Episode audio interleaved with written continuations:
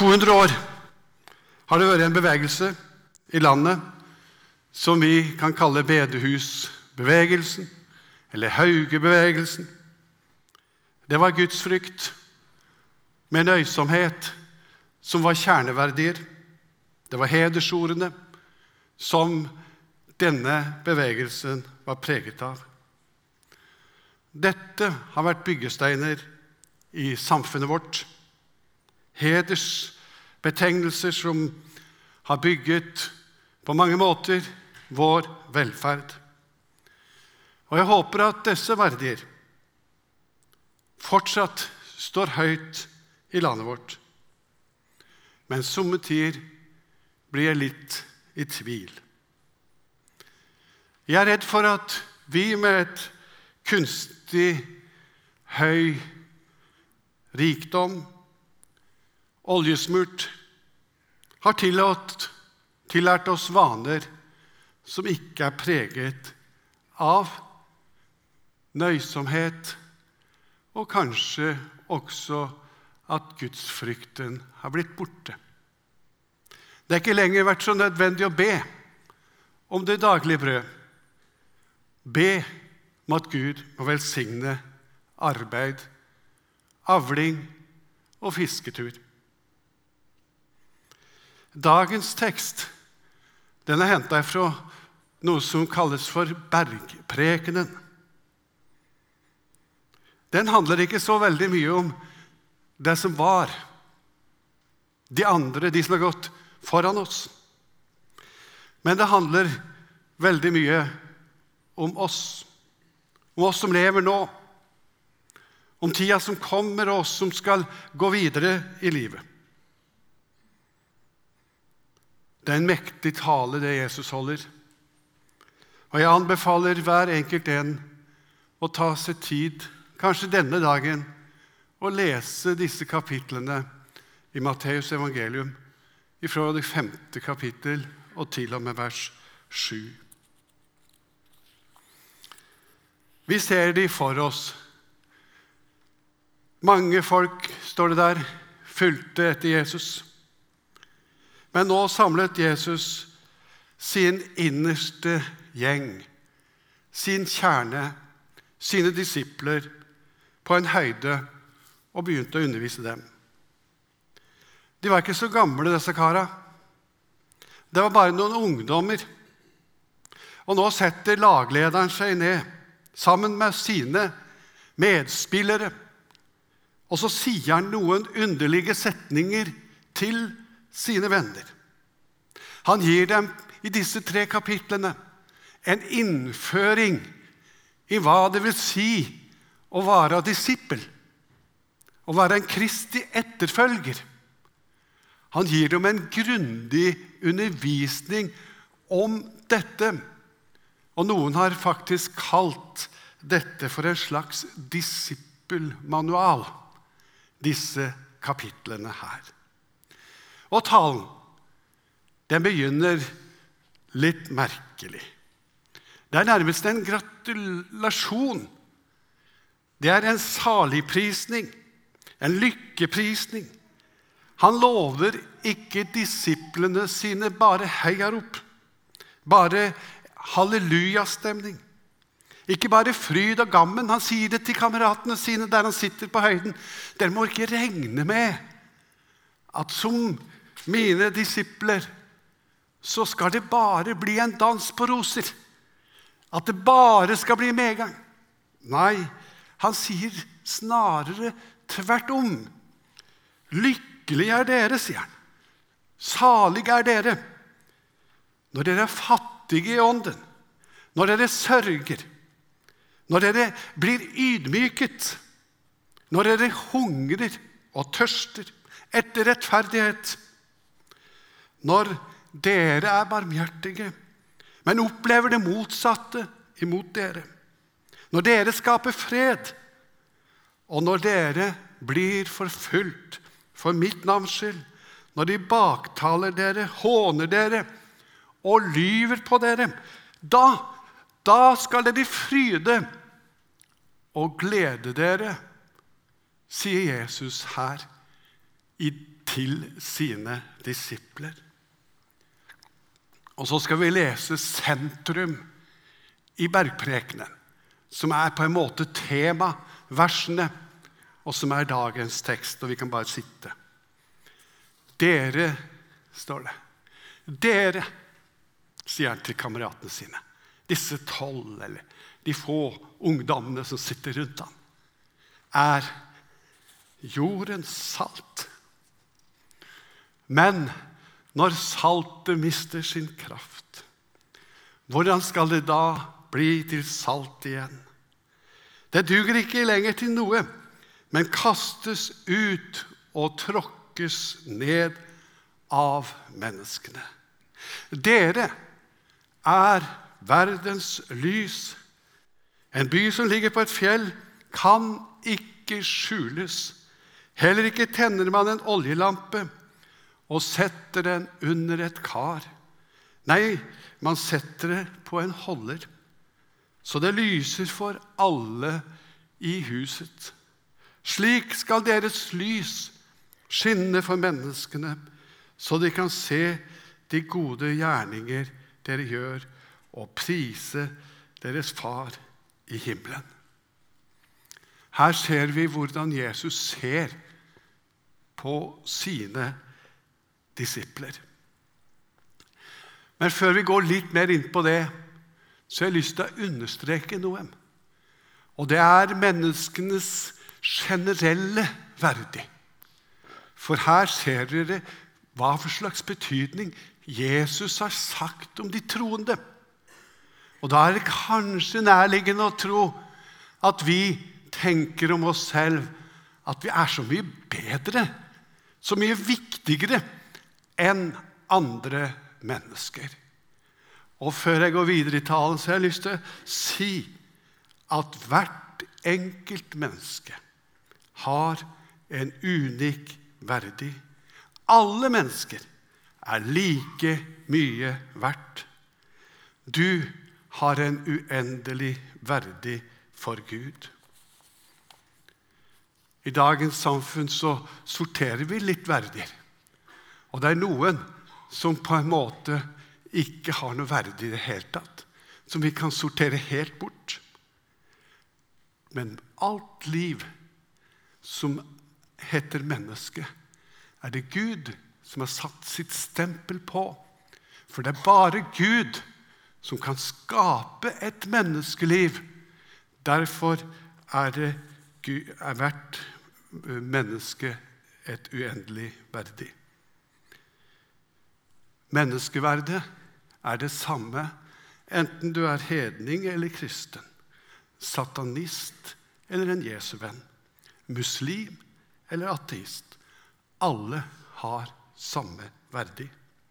Prislappen på hvert enkelt individ ser vi på Golgata, der Jesus gir sitt liv for alle mennesker.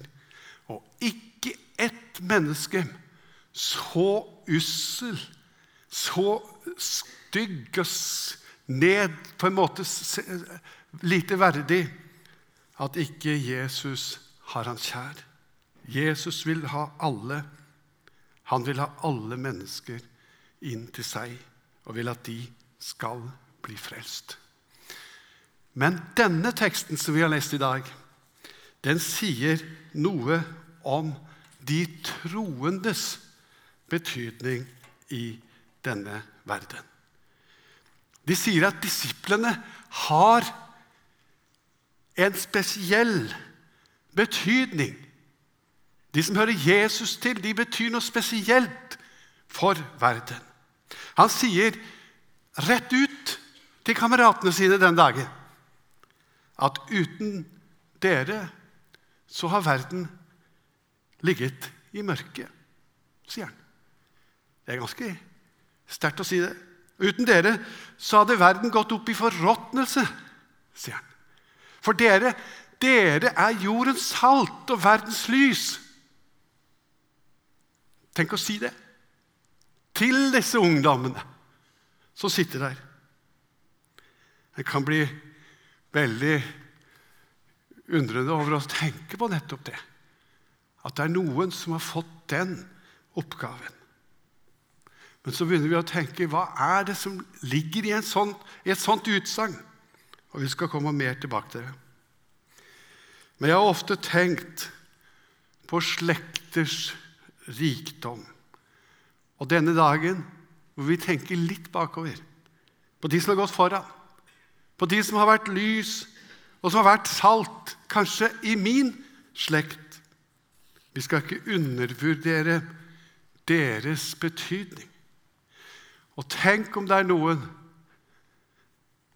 Tenk på noen nå i din familie, i din slekt. Enten en bestemor, en far eller en mor eller en annen onkel eller tante som var en som ba for deg. Tenk hvor rik du er, som har hatt noen som har bedt til Gud for deg. Det er en arv uendelig rik arv. Den som har noen i familien sin som ber. Jeg har hatt det, og jeg er veldig takknemlig for det. Og så har jeg fått et veldig ønske om at jeg sjøl må være en slik som bærer familie, slekt, framfor Gud. Legger dem framfor Gud og løfter dem opp for Gud. Slik at det fortsatt kan være noen som ber om velsignelse, om frelse, om nytt liv, også i vår slekt. Du skal ikke undervurdere den betydningen som du har, du som bærer familien fram for Gud i bønn. Vi har en fin anskuelsesundervisning i Første Mosbok 18, der det fortelles om Abraham som ba for Sodoma. Gud hadde lagt dommens smerte innover Abrahams sitt hjerte. Han begynte å be. Han begynte å forhandle med Gud. Hva om det finnes 50, sa han. 50 rettferdige i denne byen. Ja, sa Gud, da skal jeg spare byen. Jeg forteller litt om de rettferdiges betydning. Det forhindret på en måte, eller utsatte dommen. Men så fantes det ikke 50. Ja, hva om det er 40, da? Han sto der og ba. Hva om det er 40? Så fortsetter han. Og til slutt så kom han helt ned til 10. Og så sier han til Abraham Herren må ikke bli harm om jeg taler en eneste gang til. Kanskje finnes det ti der. Og Herren svarte, jeg skal ikke ødelegge den for de tis skyld. Var de troens betydning viktig? Så absolutt. Og din betydning i din familie i ditt nærmiljø er mye, mye viktigere enn du noen gang kan tenke deg. Det er det Jesus prøver å si til sine disipler denne dagen. Han prøver liksom å gi dem en oppmuntring. Dere har en så viktig funksjon her på jord. Derfor skal de være frimodige. Men Det betyr ikke at de var bedre enn andre.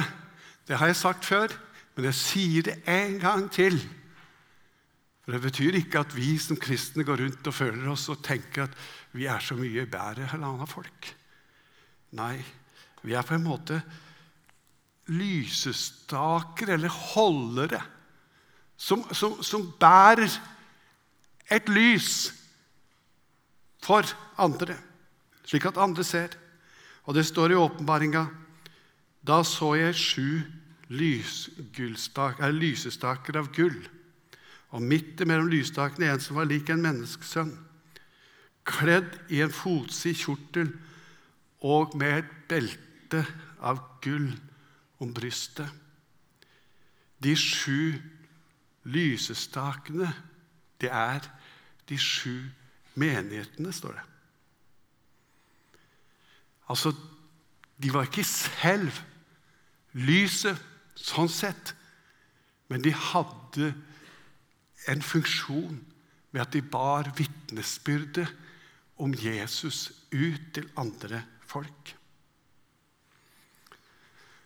En annen eh, side med denne teksten som vi har foran oss i dag, den sier noe at det, det går an å miste sin kraft. At saltet ikke er salt lenger, på en måte, men det kastes ned og tråkkes ned av menneskene. Det går an at lyset slokner. Og det har talt litt til meg. Det er veldig alvorlig. Det går an at vi som kristne vi kommer i en situasjon hvor vi ikke lenger er dette lyset, og hvor vi ikke lenger er salt. Derfor så har vi alle et ansvar, vi som bekjenner Jesu navnet, slik at vi kan bære dette fram. Og Vi ser et skremmende eksempel på hvordan det kan gå med noen.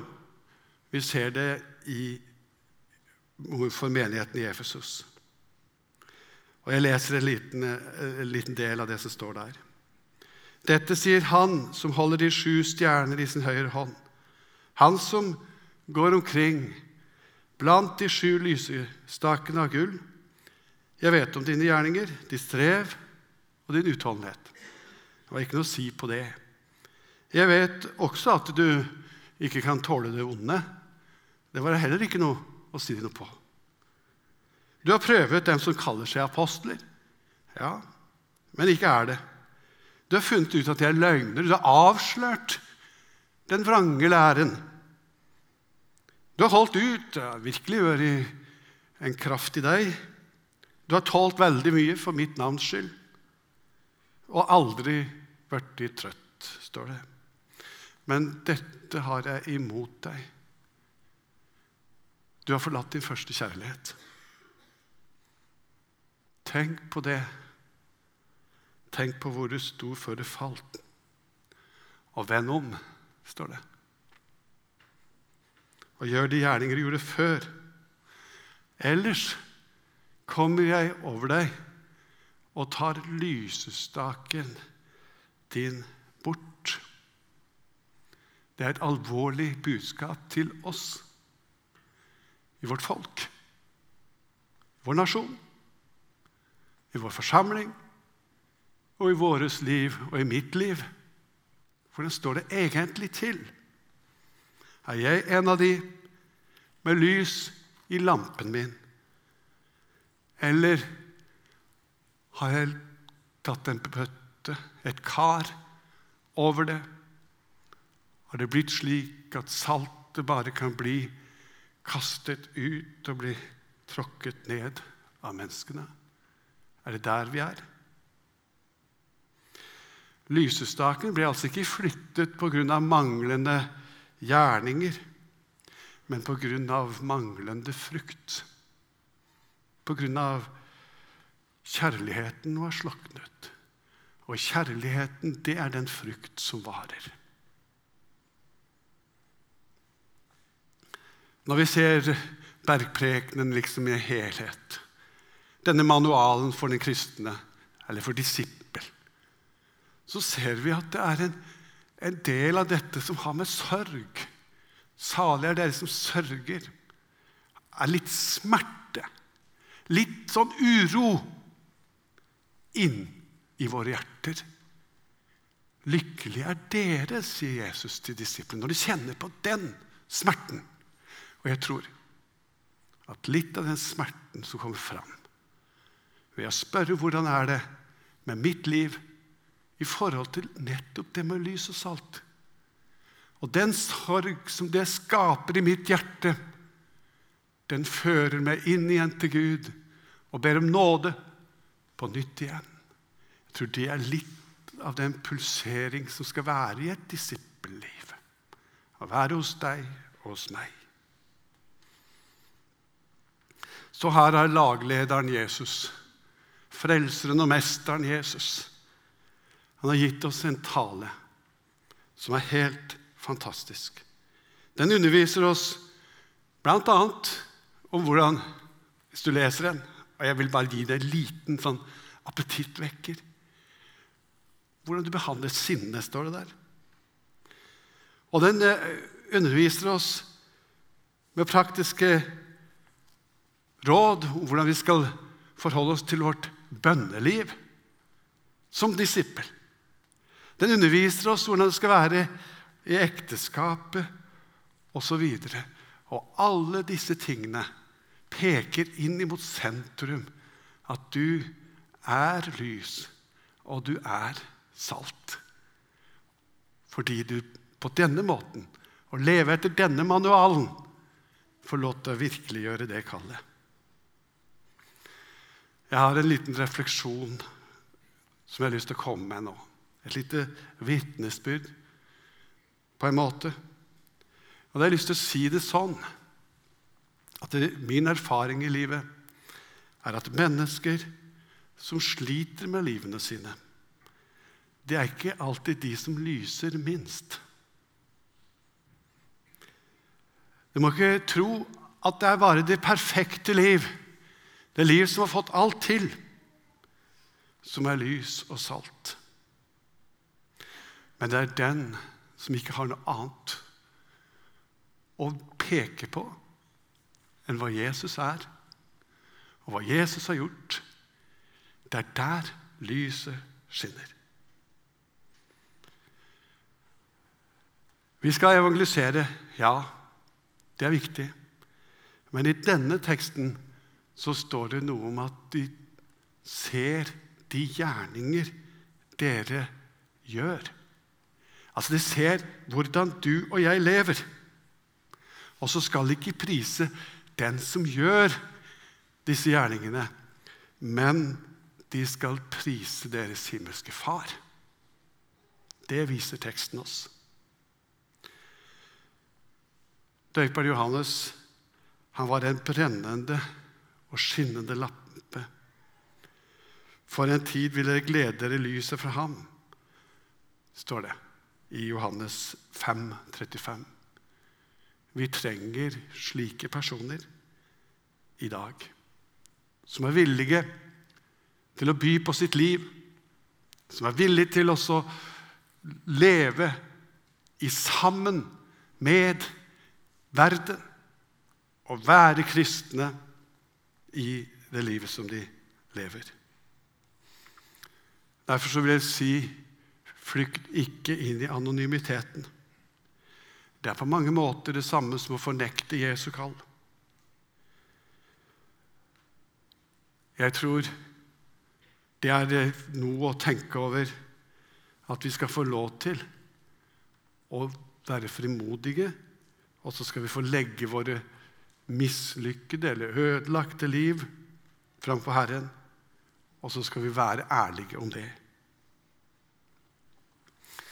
Jeg har møtt mange, eller noen, mennesker som har hatt veldig sunnrivende liv, som jeg sier. Det kan være misbruk av stoff. Jeg har møtt noen slike, også i, i nære relasjoner. Noen som har misbrukt både alkohol og, og narkotika. Men allikevel så er det noen av disse som jeg syns har vært litt spesielt ved når de har satt sin lit til Mesteren. Det er akkurat som det, uavhengig av deres sunnrivende liv, så skinner det fram et lys. Allikevel et lys om at Jesus er det eneste håpet jeg eier. Og jeg har sett det mange ganger. Det er det eneste som bærer når alt går i stykker når hele mitt liv ligger som en ruin, så har jeg likevel Jesus. Og i disse møtene så er det akkurat som det skinner fram et lys ifra Mesteren. Et varmt lys. Og jeg tror det er slik Jesus vil at vårt liv skal være. Det er altså så godt å tenke på da får du også være et lys uten at du sjøl kanskje er klar over det. Så det er ikke din prektighet som skal skinne. Det er ikke din vellykkethet som skal skinne, men det er Kristus. Du er bare staken. For en liten tid tilbake så ble det gjort en undersøkelse her i misjonssalen. Jeg henviste den til slutt. Ikke bare i misjonssalen, men over mange studenter i Oslo. Men misjonssalens studenter var også med. Hvor det var snakket om at det var veldig stor beskjedenhet i forhold til å fortelle at de var kristne på studiestedet. Og det har jeg tenkt på. Det er ganske alvorlig, egentlig, at vi i så stor grad har lyset under en bøtte. Men jeg er ganske sikker på at det gjelder ikke bare studentene. Jeg er redd for at det gjelder også vår generasjon. Og da tror jeg Jesus kaller oss i dag til å ta bort denne bøtta. og Være frimodige kristne i familien, i nabolaget og på arbeidsplassen. Vær frimodig, sier Jesus. Så legger han på en måte som lagleder hånda rundt skulderen din. Ikke vær redd, sjøl om du må møte litt, bitte, bitte litt smerte og, og, og sånn for å være det lys og salt. Da skal du være lykkelig når du erfarer det. Det er litt av bergprekenens hovedtema. Les det, og se om det jeg sier, stemmer. Amen.